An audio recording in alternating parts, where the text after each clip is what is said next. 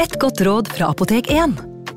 Nå er snart pollensesongen i gang, og et godt råd til deg som sliter med pollenallergi, er å begynne behandlingen i god tid før allergisesongen starter. Da får du nemlig enda bedre effekt av legemidlene, og så blir ikke våren din helt ødelagt. Kom innom og få råd på ditt nærmeste Apotek 1, eller chat med oss på apotek1.no. Apotek 1 vår kunnskap, din trygghet.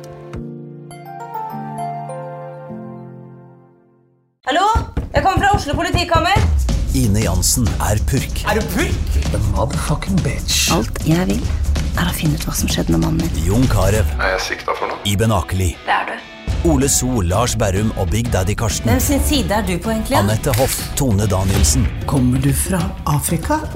Jørnis Josef, Nesten. Kløfta. Trond Espen Seim, Det er synd å si det, men det var feil mann som døde. Purk. Premiere tirsdag på TV2 Play. Advarsel. I denne podkasten vil du høre historier basert på informasjon programlederne har funnet selv. Programlederne står ikke nødvendigvis inne for meninger og syn som fremstilles. Noen påstander kan avvike fra virkeligheten.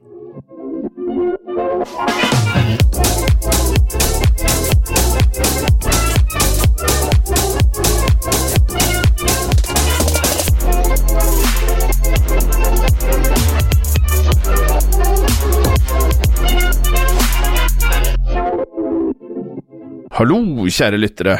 Høsten er vel eh, trygt eh, kommet, været blir kaldere, og da er det fint å kose seg med en episode av Historiepodden. Koser du deg, Morten? Ikke nødvendigvis med høst og kaldere vær og sånn, men med akkurat det her, med historiepodden, det, det gjør jeg. Det er for så vidt ganske lyst i eh, studio her, da. Ja, og med de teppene vi har foran vinduer og sånn, så aner jo ikke vi at det er høst, egentlig, her vi sitter. Nei, det er bare mørkt hele tiden.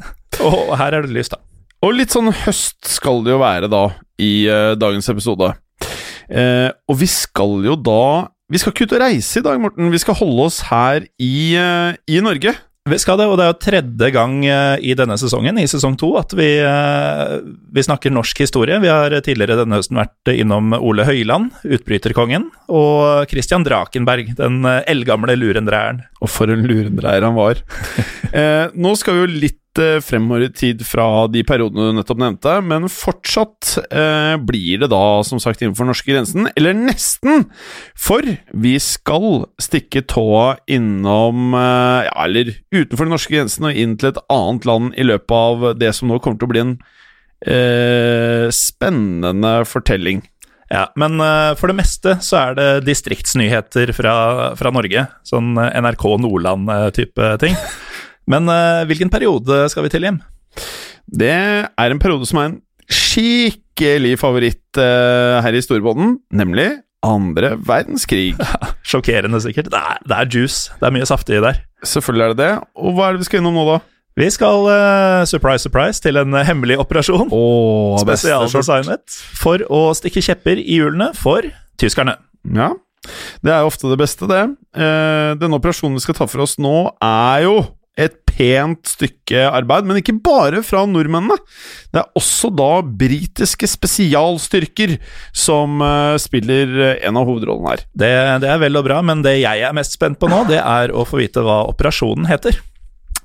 Ja, mer enn hva den gikk ut på, holdt jeg på å si. Eh, Ja, det, det er jo viktig det òg, men eh, her i Historiepodden så er vi også fryktelig glad i operasjonsnavn. eh, spesielt etter eh, Operasjon Kjøttdeig, som vi også hadde om for en tid tilbake.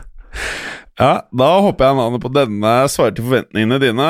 Operasjonsnavnet er Operasjon Muskedunder. Ja, det leverer. Det leverer, eller på engelsk Operation Musketoon.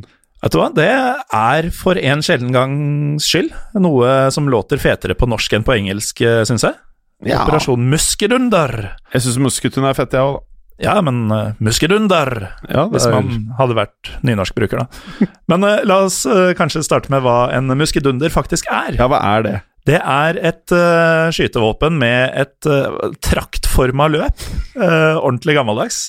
Eh, en muskedunder var som oftest lada med, med flere prosjektiler, og selve navnet uh, muskedunder er en blanding av muskett og det nederlandske donderbos, som betyr tordenpipe. Det tror jeg er ganske direkte oversatt. Eh, men det er altså donderbos, eller tordenpipe. Og den eh, vide, traktformede åpninga den eh, var der av to grunner. Hadde to funksjoner. Det ene var at den var rask å lade, for det var en stor munning å stappe krutt og sånn oppi. Eh, og når den ble ladet med flere prosjektiler, så ga løpet en viss spredning, nesten som en gammeldags uh, pumpehagle. Ja, men den ser kanskje ikke så skummel ut, eller? Nei, den gjør ikke det. Den ser ut som et lekevåpen. Ja, jeg trodde jo lenge det var det også, Ja, for den var jo ofte i tegnefilmer og sånn da man man var liten. Men man Og- kan visstnok bli skadet den, har jeg forstått. Visstnok. Denne operasjonen ble også kalt Glomfjordraidet, eller Glomfjordaksjonen, Morten. Kjært barn har mange navn. Jeg vet egentlig ikke hvor kjært dette barnet egentlig er, fordi eh, jo da, det foregikk i Norge, og det er norske krigshelter blant annet som, som står bak her, men jeg føler ikke at den, eh, den, den har liksom havna litt i skyggen av andre aksjoner, da, som tungtvannsaksjonen f.eks. Og det er veldig trist, for det minner meg jo på mange måter om eh, gulosten. Gulosten mm. falt jo veldig i skyggen av f.eks. Max Manus. Litt sammenlignbart. Mm. Eh, noe kan det jo selvfølgelig ha å si at det er flere briter med i denne operasjonen enn hva det er eh, nordmenn. Altså, det, det hjelper jo sikkert litt på spesielt tungtvannsaksjonen, da, at du, um, folk husker jo at man får Kirk Douglas til å lage film om det. Men i dag så skal historien om Glomfjordraidet fortelles, og ingenting annet. Jeg gleder meg. Vi har jo planlagt denne episoden lenge, vil nå jeg si, da. Eh, Ja. Vi har aldri liksom Den har vært skrevet for en stund tilbake, Mm. men så har vi aldri følt at den var helt ferdig, at vi fikk med oss all informasjonen. Og når vi prater om ting som er fra Norge, så ønsker vi å liksom gå litt i detaljene og se hva vi klarer å finne. Ja, Vi vil få det riktig, og vi vil få det spennende, fordi ofte så er jo de norske krigshistoriene fortalt eh, en rekke ganger av eh, andre enn oss, og da vil jo vi tilføre så mye vi kan til det som allerede ligger der. Mm. Og da krever det litt merarbeid, og du har jobba på spreng med dette her de siste dagene. På spreng. Men uh, som et par av navnene på operasjonen tilsier, så ble aksjonen gjennomført i uh, Glomfjord, som ligger i Nordland. Og hvis vi skal sette scenen for dere, så er vi nå i september 1942. Tyskland har okkupert Norge, og det norske folk lever jo i frykt, usikkerhet, de er undertrykte, men det er en kamplyst som definitivt er til stede. Men nazistene kontrollerer det meste på dette tidspunktet. Og før vi da går i detalj på operasjonen med Skudunder, som eh, vi etter å ha jobbet da, som sagt med dette her, føler vi burde vært like kjent som tungtvannsekspedisjonen spesielt. Eh, det er viktig da å starte med hvor stor og viktig norsk aluminiumsproduksjon var, ikke bare da for nordmenn, men for tyskerne. Ja, for nå skal du få kjørt deg litt eh, språkmessig. Hør på følgende. Arbeidsgemeinschaft für den Elektrisitätsausbau Norwegens, eller bare Arbeidsgemeinschaft, var da et organ opprettet av eh, nazistene, eh, og var da et forvaltningsorgan i eh, Norge, eller Reichskommissariat Norwegen, under andre verdenskrig for å få fortgang i norsk vann- og kraftutbygging.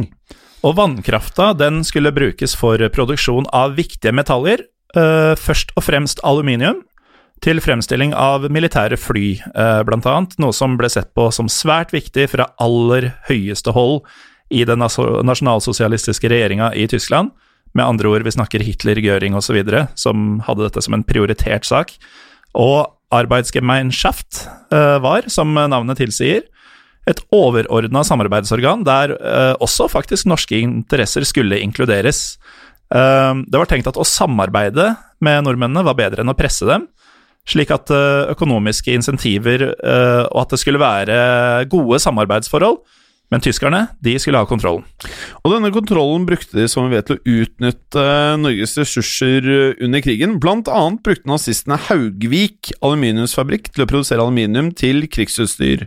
Eller nærmere bestemt så eh, Det Hitler ønsket, var økt aluminiumproduksjon fra Norge, som var tiltenkt det tyske luftvåpenet Luftwaffe, som var noe av det viktigste i det tyske militæret.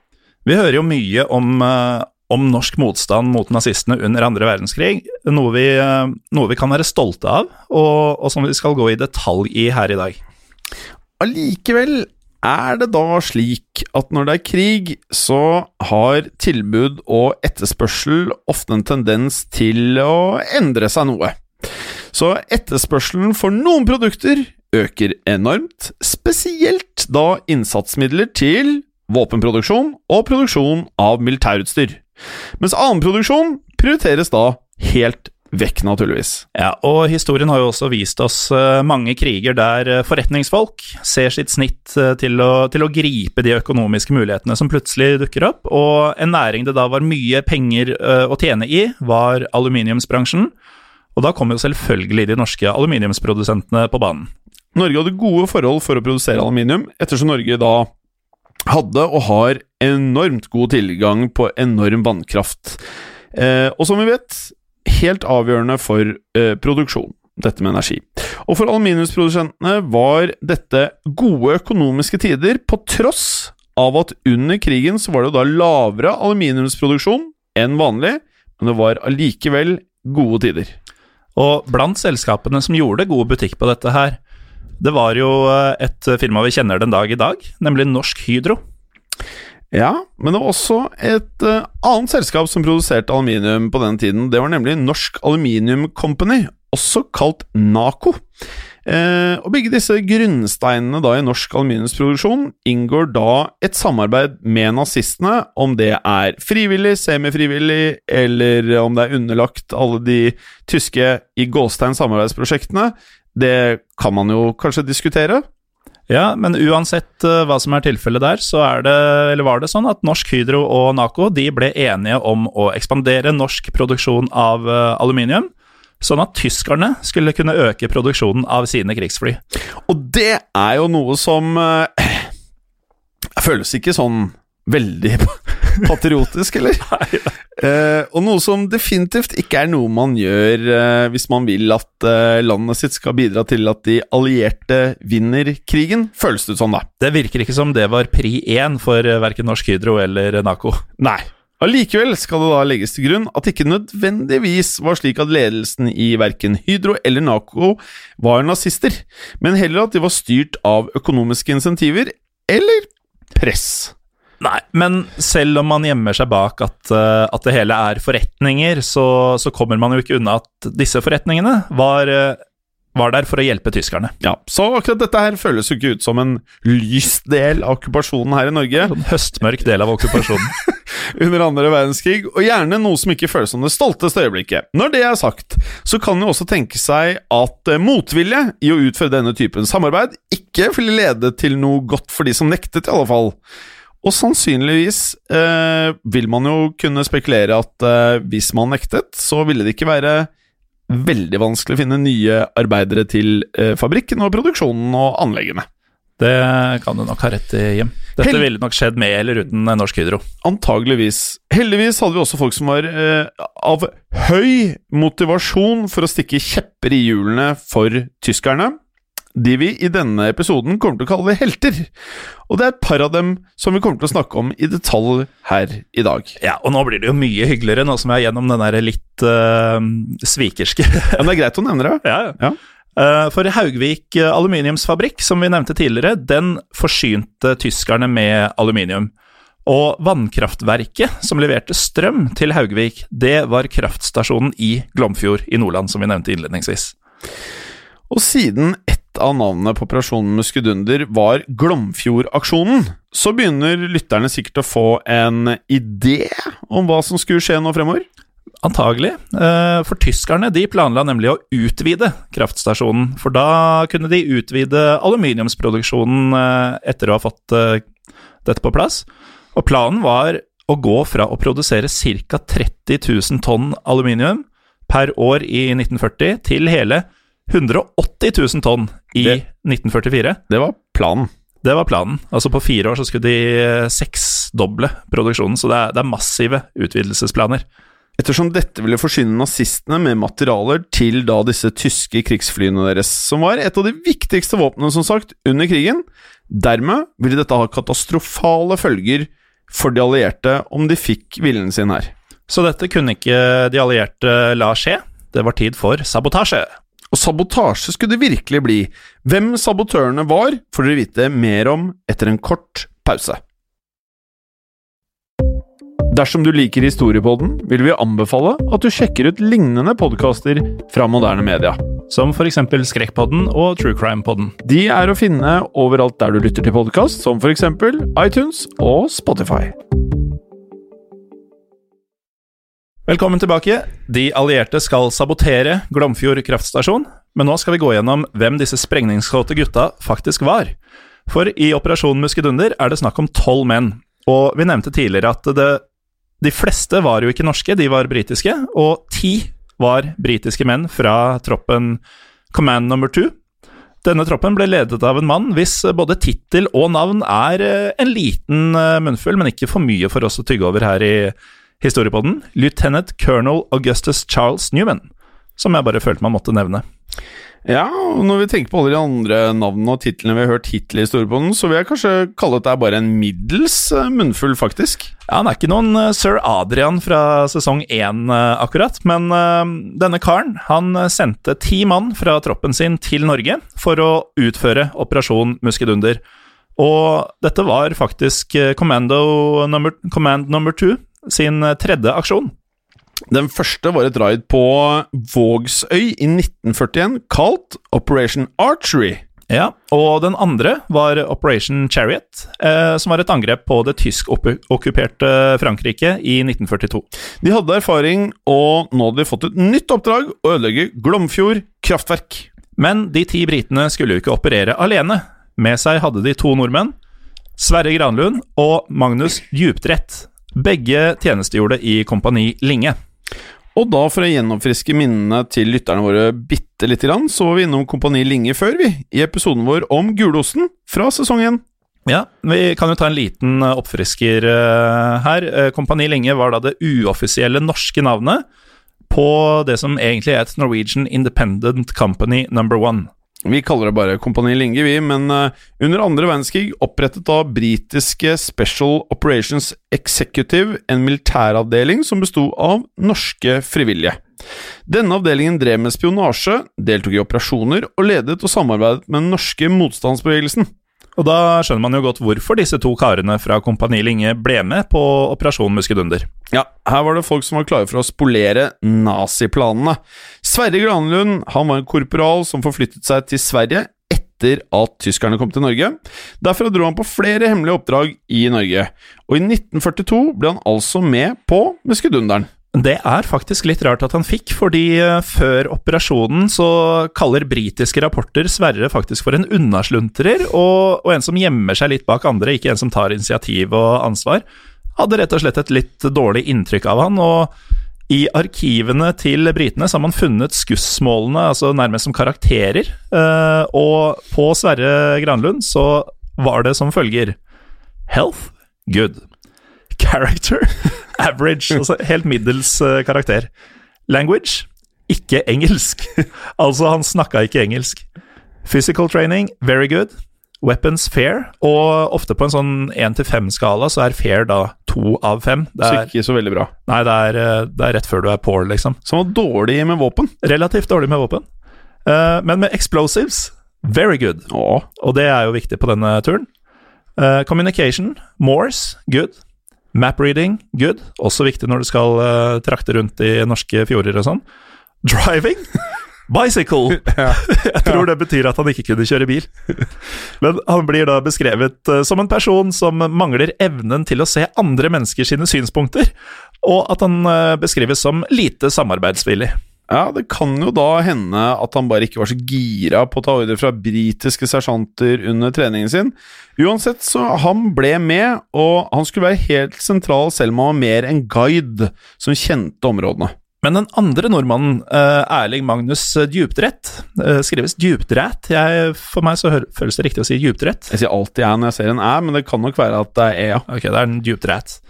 Han var en sersjant som dro til eh, Storbritannia etter at han hadde vært med i kampene i Norge i 1940, og i 1941 så ble han en del av Kompani Linge. Og for å sammenligne han med Sverre, da, så har han følgende skussmål fra, fra britene. Health very good. Character very good. Language English very good. Physical training very good. Weapons very good. Explosives very good. Communication very good. Map reading Very good. Og hva tror du han har på den siste karakteren, driving, eh, Jim? Ikke very good. Det var det, vet du. Very good. Ja, og han hadde også erfaring fra et tidligere raid, før han ble med på aksjonen i eh, dagens episode.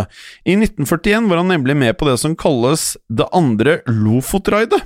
Det kalles også Operasjon Anklet, og det er til tross for at han i 1942 bare var, hold deg fast, eh, Morten, 22 år gammel.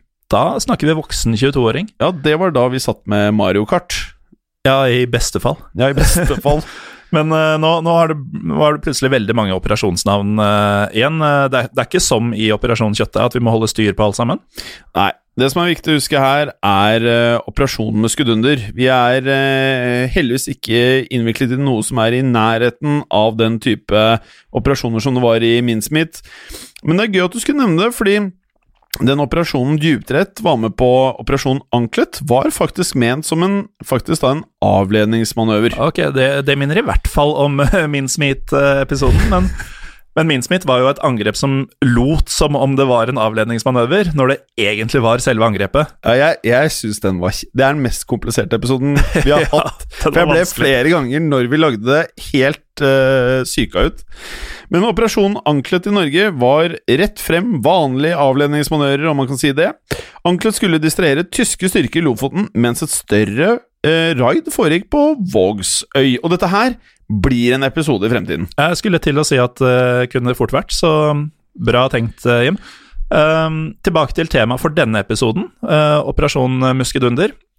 Granlund og Djupdrett de ble, med, de, de ble med de britiske troppene fra Command Number Two, og ble da ledet av kaptein Graham Black. Ja, og de skulle da ta seg til Norge med den franske ubåten Junon. Junon. Kall det hva du vil. Ubåten var perfekt for å snike seg inn i fiendens farvann. Det kan uh, kanskje være noe kuriøst da hvorfor uh, britiske styrker velger å bruke en uh, fransk ubåt. Jeg skjønner jo at du tenker sånn, men det skulle faktisk være et helt avgjørende grep. For våre helter de skulle få et behov for å pumpe luft i småbåtene som de ville trenge i aksjonen, og det var kun mulig om de brukte disse franske ubåtene. Ja, og litt av poenget her er at eh, de franske ubåtene hadde et bredere tredekk på eh, båtene enn hva de britiske faktisk hadde på dette tidspunktet, som da nesten ikke hadde noe dekk i det hele tatt. Um, de reiste omsider da fra Orknøyene den 10. september 1942. Og da må jeg spørre deg, for dette, det er nok ikke alle som vet hvor Orknøyene er. Vet du det? Da er det godt vi har meg, fordi Orknøyene er en gruppe øyer. en øygruppe litt nord for eh, Skottland, som, som, tilhører Skottland. Men har du sett flagget til Orknøyene, Jim? Om jeg har? Det føles veldig kjent ut. Ja. Uh, for lytterne våre som ikke har sett det, så ser flagget deres nøyaktig ut som det norske. Mm. Bortsett fra at den hvite delen er uh, mer gul. Ja, norsk flagg med gul på. Uh, ikke det man tenker på når du vet at det er skotske, men de var ikke alltid skotske, de var faktisk norske først. Norge begynte å befolke øyene så tidlig som på slutten av 700-tallet. Noen hundre år etter dette begynte Skottland å bli interessert i øynene. Og eh, da Norge mm, tidlig på 1400-tallet ble lagt under dansk herredømme, eh, så hadde danskekongen Christian den første litt, eh, litt money issues, litt pengetrøbbel. Det var ikke sånn veldig mye sparepenger i bakhånd, og oljeeventyret var jo fortsatt noen år unna. Så da hans datter Margaret ble forlovet med Skottlands konge Jakob 3., så pantsatte danskekongen øynene til Skottland som en medgift. Og siden det så har vært skotske. Og det er antagelig grunnen til at eh, flagget til Orkenøyene ligner så mye på, på det norske. De, de, kunne vært en del av Norge i dag om ikke den danske kongens sparegris eh, hadde vært tom. Det var en real avstikker til uh, historien i dagens episode. Men det betyr jo at vi bare må bevege oss tilbake til 1942 igjen. Det kan vi gjøre, og ubåten Junot eh, den la til sjøs den 10.9., som vi var inne på, med to nordmenn og ti briter om bord. Og hvor skulle de tro? Jo, de skulle av gårde til Glomfjord for å drive litt sabotasje.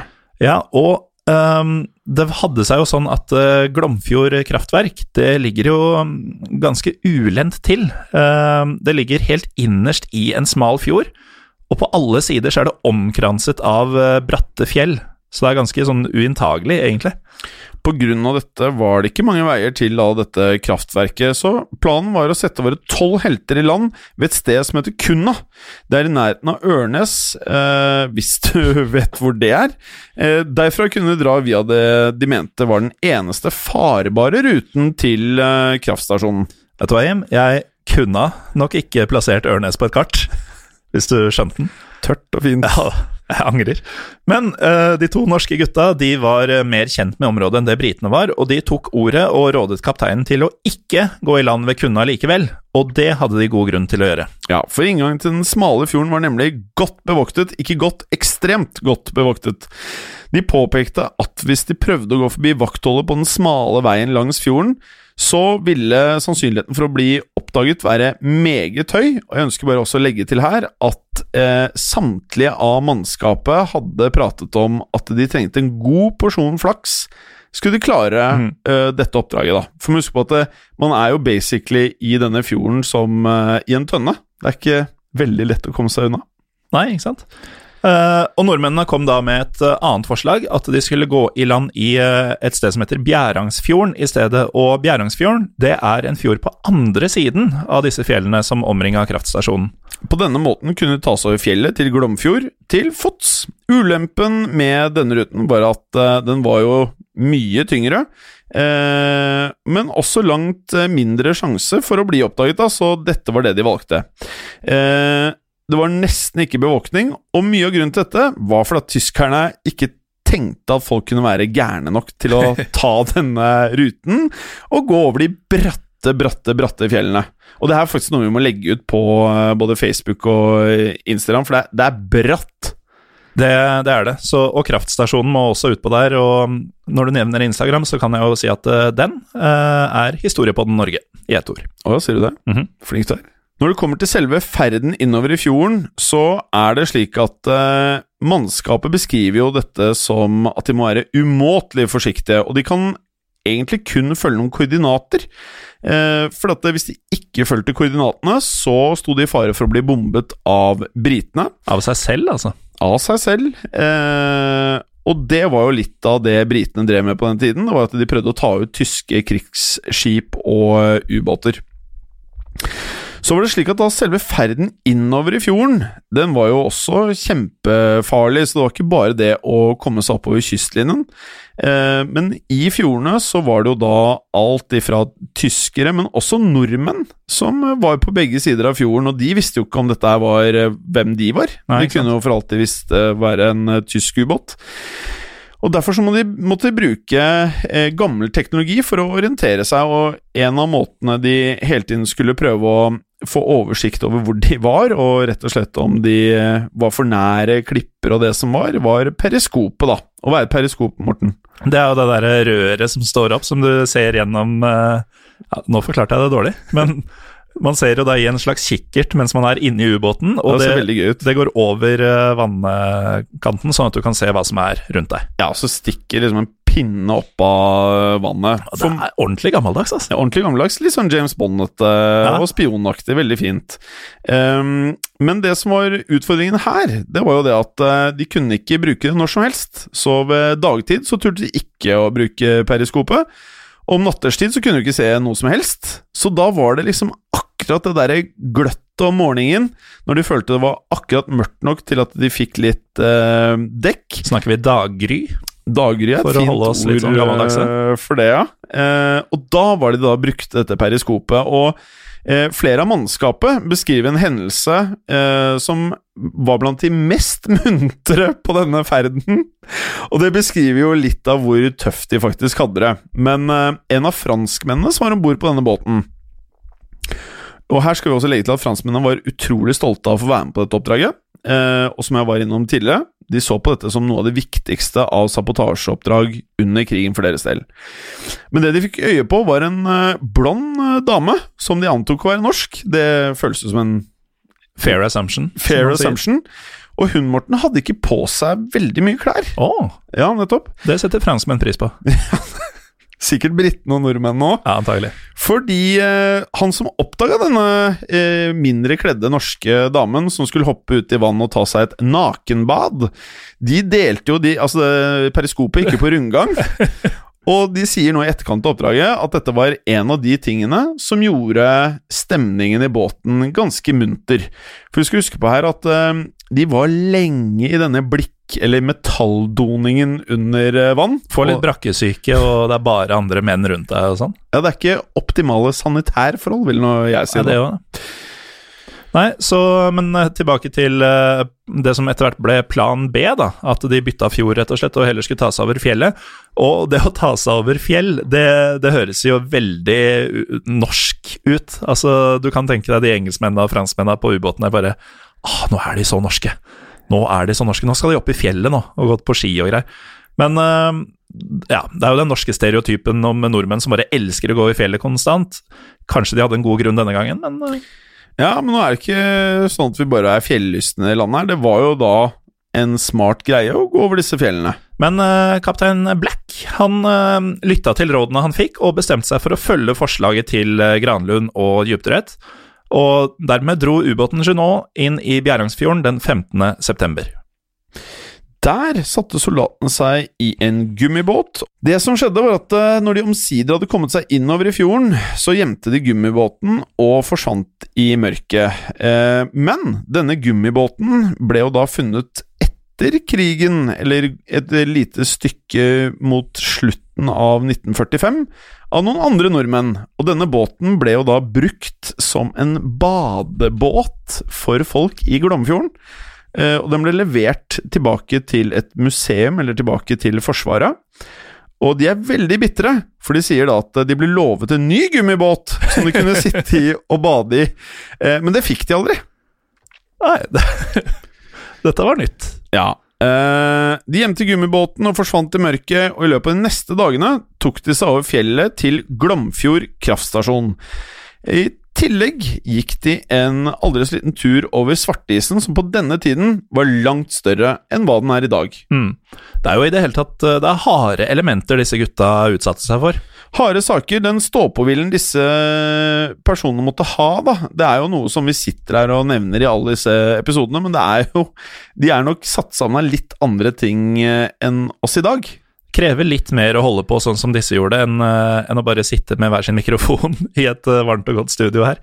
Um, alle kom seg heldigvis frem uskadd, og den 20. september, fem dager etter at de dro inn i, i Bjærangsfjorden, så satt de høyt i fjellet og så ned på kraftverket mens de diskuterte hvordan de skulle gå frem. Og da var de klare til aksjon, fordi vi har kommet til natten til 21. september, og soldatene delte seg inn i to lag. Ett av lagene skulle ta seg Rørgatene. Hva er en rørgate, egentlig? Vel, det var jo rør som førte vann til kraftstasjonen. Disse rørene kan ligge fritt eller nedgravd. I Glomfjord lå det helt åpent, heldigvis for de allierte, og uheldigvis for naziene. Det vi ser for oss er Eller det du kan tenke deg, Morten, er gigantiske rør som klatret oppover den bratte fjellsiden.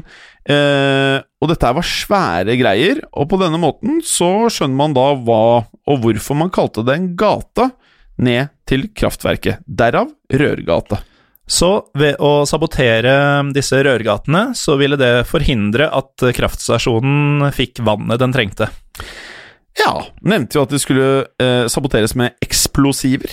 Det tror jeg vi bare har hinta om, faktisk. Men det var da altså det de skulle. Eh, rørgatene skulle sprenges i lufta med da plastiske eksplosiver.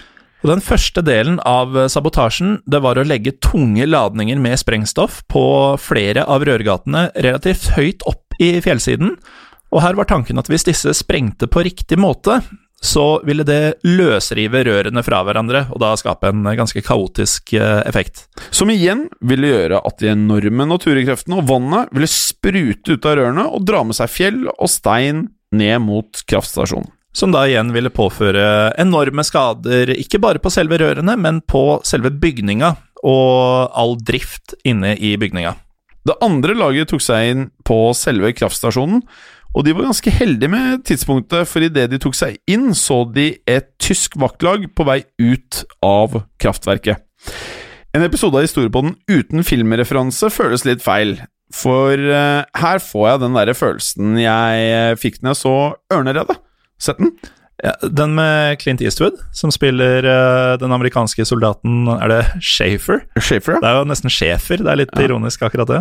Og Richard Burton, vel, som er eh, den britiske aksjonslederen som, som styrte selve operasjonen. som lusker seg inn gjennom mørke, tyske, grå korridorer for å hente fanger ut av slottet, hvis jeg ikke husker helt feil. Ja, jeg er enig. Det, det er litt eh, Eagles Nest over, over dette her. Eh, og med færre vakter på kraftverket, så kunne de jo kanskje senke skuldra lite grann. Noen centimeter. Ja, for størsteparten av jobben, den var, eh, den var foran dem, men nå har de altså kommet seg inn.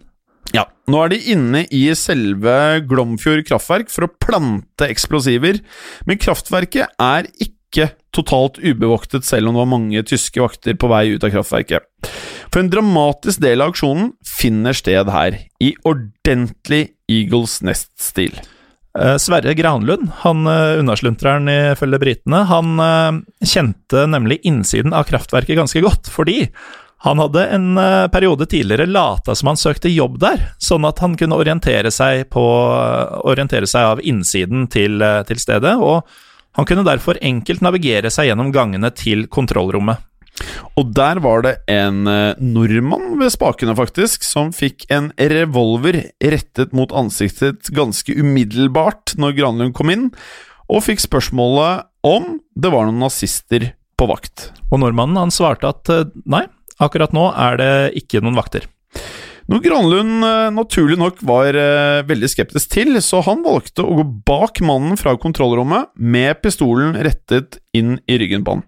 Og når de var kommet gjennom en eh, korridor, så satt det en tysk vakt, som ble helt overrumplet av Granlund og nordmannen fra kontrollrommet. Lynhurtig tømte Granlund hele magasinet sitt i tyskeren. Ja, Han drepte vakta, og eh, vakta var en mann som het eh, Gerhard Dahlhöfer. Og skudd, det er jo ikke akkurat en, en stille affære. Uh, og da den andre vakta hørte skuddene, så løp han med en gang ned til kabeltunnelen for å slå alarm. Kabeltunnelen var en kilometer lang tunnel som forbandt kraftstasjonen med resten av bygda. Men heldigvis for kommando nummer to og de norske karene så fikk denne vakten litt vel mye panikk. Dermed klarte han å løpe rett forbi alarmklokken i tunnelen uten å se den. Det er greit klønete. Uh, Veit du hva han gjorde etter det? Vi fant ikke noe mer info om han. Det virker som han bare ble borte. Kanskje han løper rundt der og ser etter alarmklokka fortsatt. Uh, så denne vakta fikk panikk og løp rett forbi alarmen, og samtidig så tok våre helter og samla sammen alle de norske arbeiderne på kraftverket. De beordret dem til å evakuere. Dette skulle de gjøre gjennom den samme kabeltunnelen. Det var jo ingen vei mellom kraftstasjonen og resten av Glomfjord. Det er en virkelig isolert uh, kraftstasjon, dette her. Si litt tønne. Etter at arbeiderne hadde blitt evakuert, så sprengte soldatene en røykbombe i tunnelen. Hvis tyskerne skulle dukke opp gjennom tunnelen, ville røykbomben forsinke dem, selvfølgelig. Så gikk de til verks på hovedoppgaven. Kraftstasjonens generatorer og turbiner. Som også skulle sprenges i lufta. Nemlig. Generatorene var maskiner som roterte ved hjelp av eh, da dette vannet som ble fraktet inn. Deretter ble bevegelsen omdannet til elektrisk energi inne i kraftverket. Ved å slå generatorene ut av spill ville de da ødelegge selve kilden til denne sårt etterlengtede kraften. Og når de da i tillegg skulle sprenge disse rørgatene oppe i fjellet, så ville all kraftproduksjon i Glomfjord rett og slett gå i dass. Ja. Og litt etter midnatt kommer det første smellet i Glomfjord-aksjonen. Det dundrer inn trange fjorden, og lyden hamrer mot fjellveggene. Og det var jo da smellet fra eksplosjonen fra generatorene, men her, skjønner du, her var det ikke sånn at eh, alt gikk helt som det skulle. Nei. Sabotørene hadde lagt eksplosivene oppe på generatorene og oppe på turbinene. Vet du hva som skjer da, Morten? Da tipper jeg at all krafta fra, fra sprengstoffet går rett opp i lufta, og ikke ned i generatorene og turbinene, som ville ført til maksimalskade. Det er helt riktig. Eh, for det de burde ha gjort, og det er kanskje det enkelt for oss å si her nå i etterkant, det var da å plassere sprengstoffet under turbinene og Under, generatorene. -hmm. Helt riktig. Men var ikke han der Granlund very good på explosives. Han uh, var jo ganske dårlig i engelsk, da, så kanskje han uh, hadde misforstått uh, ordren. For ved å plassere de under turbinene og generatorene, så hadde da alt trykket gått oppover, og da hadde du fått maksimal skade på både turbiner og generatorer. En de skulle hatt med her, som hadde visst dette her, det er Dynamitt-Harry fra Olsenbanden. Du klarte å få med her òg, ja. Ja. Bra. Eksplosivene ved de to første generatorene De gikk av selv om det ikke var all verden av effekt. Eh, men det som var plassert på den tredje generatoren, den gikk ikke engang av. Det som derimot gikk veldig bra for sabotørene, det var at uh, av uvisse årsaker så var nødventilene i rørgatene skrudd av akkurat denne kvelden. Som er eh, sinnssykt flaks. Eh, for dette ville jo vært noe som var en sentral oppgave om man skulle planlagt en slik operasjon for da å få maksimal skade på Eller påføre maksimal skade på kraftverket. Ja, for nødventilen den skal jo egentlig forhindre ødelagte rørgater fra å fosse vann overalt. Og sprengninga av eh, rørgaten den eh, ga derfor en ufattelig god effekt, fordi flere tonn vann og grus velter nedover fjellet. Og det presser seg jo da, som man kan skjønne, inn i kraftverket, eller mer visuelt, da. Det smadrer en stor del av kraftverket. Gjennom de ødelagte vinduene kommer enorme mengder med vann fossende inn, og da forsvømmer hele maskinhallen. Rett og slett litt eh, hjelp fra naturen der, og kraft, kraftstasjonen den ble satt helt ut av spill. Eh, Så aksjonen kan, eh, på tross av fiaskoen med å sprenge generatorene og turbinene, kalles en kjempesuksess, for her ville det ikke kunne produseres noe særlig med kraft på en god stund. Og det er noe man kanskje kunne feire. Ja, kunne de det? Nei, det kunne de ikke, for nå gjaldt det å komme seg unna. Ja, og um, disse ødeleggelsene var jo ikke lett å overse, så nå våkna tyskerne skikkelig. Uh, nå skulle de jakte på de ansvarlige for eksplosjonen, og de tolv sabotørene våre de hadde på forhånd planlagt å dra over til Sverige etter aksjonen. Hvis du kikker på Glomfjord eh, kraftverk på et kart, så kan du se at det ikke er voldsomt langt unna svenskegrensa, men heller ikke så nære at det var et steinkast unna. Ifølge Google så er det drøyt 20 mil, og det er jo da også en del fjell i de imellom her. Vet du hvor lang tid det tar å gå 20 mil? Det har jeg ikke tenkt på, men det, det tar jo en par-tre timer å kjøre det. ja, da kan du tenke deg hvis du skulle gått det. Eh, som andre ord, ikke den enkleste fluktruten dette er. Og eh, for å unnslippe natten etter en eh, ja, vel gjennomført eh, aksjon, burde de altså ha en del detaljer om hvor den ruta skulle gå. Vet du hva, Jim? Vi skal være litt slemme mot lytterne nå. Ja, for fortsettelsen på eh, dette eventyret er halsbrekkende. Hittil har vi jo fått en enorm sabotasje, en av de største konstruert av eh, de allierte i Norge under annen verdenskrig. Svær eksplosjon. Svær eksplosjon, enorm skade og enormt eh, skudd i baugen for Hitler og Göring. Vi har fått et drap. Vi har fått et drap, men det som kommer til å skje nå fremover, det er mye skyting, mye spenning, og nesten en Som om man hadde skrevet en thrillerhistorie. Ja, det blir verre, rett og slett. Eller drøyere. Eller verre, det blir, eh, det blir mye skyting. ja. Og det blir uh, flukt, og det blir uh, veldig spennende. Og det skal vi jo ikke snakke om nå. Nei, vi skal ikke prate om det nå. Eh, For fortsettelsen den får dere ikke før eh, om en uke i del to. Som kommer eh, samme tid, har jeg forstått. Ja, omtrent ved daggry tirsdag neste uke. Ja, vi kommer alltid ved daggry hver tirsdag, gjør vi ikke? Vi kommer alltid ved daggry hver tirsdag, men i mellomtiden så kan man jo stilne suget sitt etter mer historiepodden ved å følge oss på Facebook og Instagram. Ja, der heter vi Historiebåndet Norge. Eh, vi legger jo ut eh, både siste episoder og en eh, del eh, bilder. Jeg har lagt ut mye emu-bilder denne uken her. Ja, det har du. Det har vært umulig å unngå emuer i feeden. Det har ikke vært så lett å unngå, nei. Det har skjedd. Og det kan skje igjen, og det kommer til å skje igjen neste uke. Det kommer til å skje mer neste uke. Ja, men ikke mer emuer neste uke. Nei. Nei, det skal ikke skje igjen. Nei. Men det har skjedd. Og det kan skje igjen. I produksjonen av Historiepodden så ønsker vi å takke Håkon Bråten for lyd og musikk. Takk til Felix Hernes for produksjon. Takk til Ellen Froktenestad for tekst og manus. Og takk til deg, Morten Galesen, for programlederrolle. Og takk til deg, Jim Fosheim, for programlederrolle. Moderne media. Har du et enkeltpersonforetak eller en liten bedrift? Da er du sikkert lei av å høre meg snakke om hvor enkelt det er med kvitteringer og bilag i fiken, så vi eh, gir oss her, vi. Fordi vi liker enkelt. Fiken superenkelt regnskap. Hei, og takk for at du lytter til Historiepodden. Skulle du ønske at du kunne høre en ny episode av Historiepodden hver eneste uke? Vel, da er det én ting å gjøre. Da kan du laste ned podkastappen Untold med det samme. For i tillegg til ukentlige episoder av podkaster som Historiepodden andre verdenskrig, Henrettelsespodden og også Gangsterpodden, så får du masse annet reklamefritt og også eksklusivt innhold. Last ned Untold i AppStore eller Google Play og start din 30 dagers gratis prøveperiode allerede i dag.